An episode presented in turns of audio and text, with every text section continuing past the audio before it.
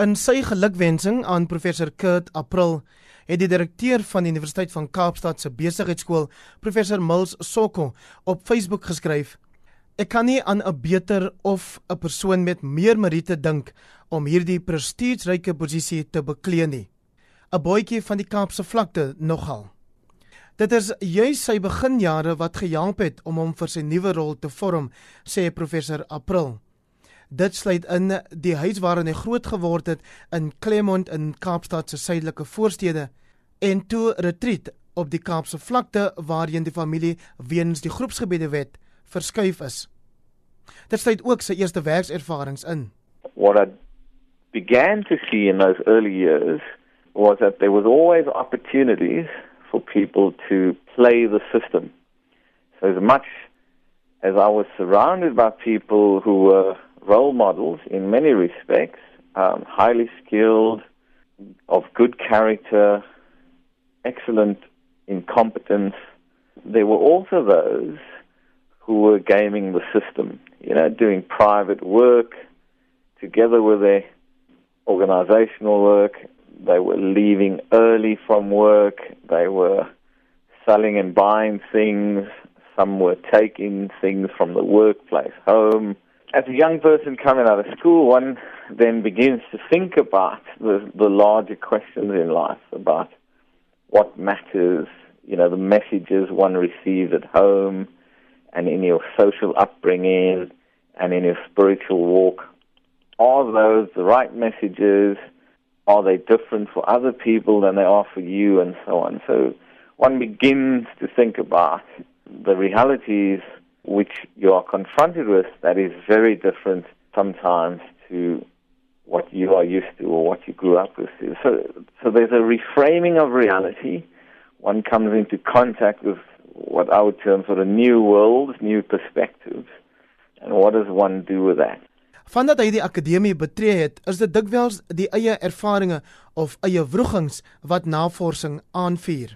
I think for many academics our best research is when we research the very stuff that bothers us or stuff we we still are challenged in or stuff we're trying to resolve for ourselves. And for me, those are multiple, which is having one's values oppressed or suppressed because of the workplace in which you find yourself, finding that I couldn't live out who I was, and added layers came because as a person of mixed race in South Africa, having been told by a national government that you don't matter, you're not the right color, you're going nowhere, there's no resources for you. I would fight against that in multiple ways.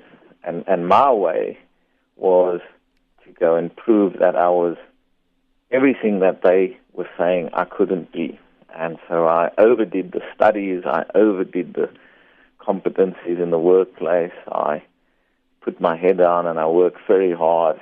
And uh, the cost of that was my own personal self-care got compromised as a result. En dit is die vernalatiging van selfsorg in die akademiese en korporatiewe wêreld wat nou deel uitmaak van die werk wat hy by die Allen Gray Sentrum vir Waardesgebaseerde Leierskap wil doen.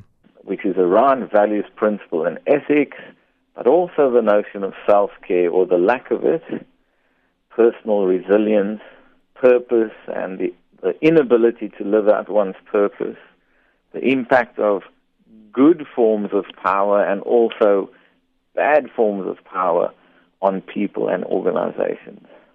And broadly, how do organizations serve not just shareholders, but serve stakeholders? How do they engage their employees in more constructive ways?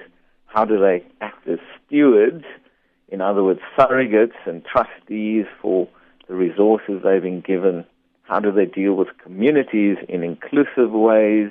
And how do they run their own governance systems and make decisions in ways that, that offer responsibility over just a profit output or a bottom line output?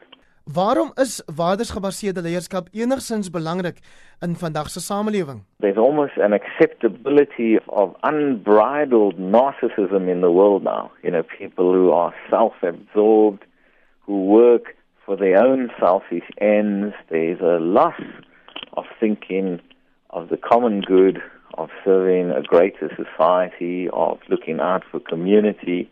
Even within neighborhoods, people don't even know their neighbors or look out for their neighbors anymore. One sees this drive for individualism, which is absolutely fine, but what's not fine, at the expense of others.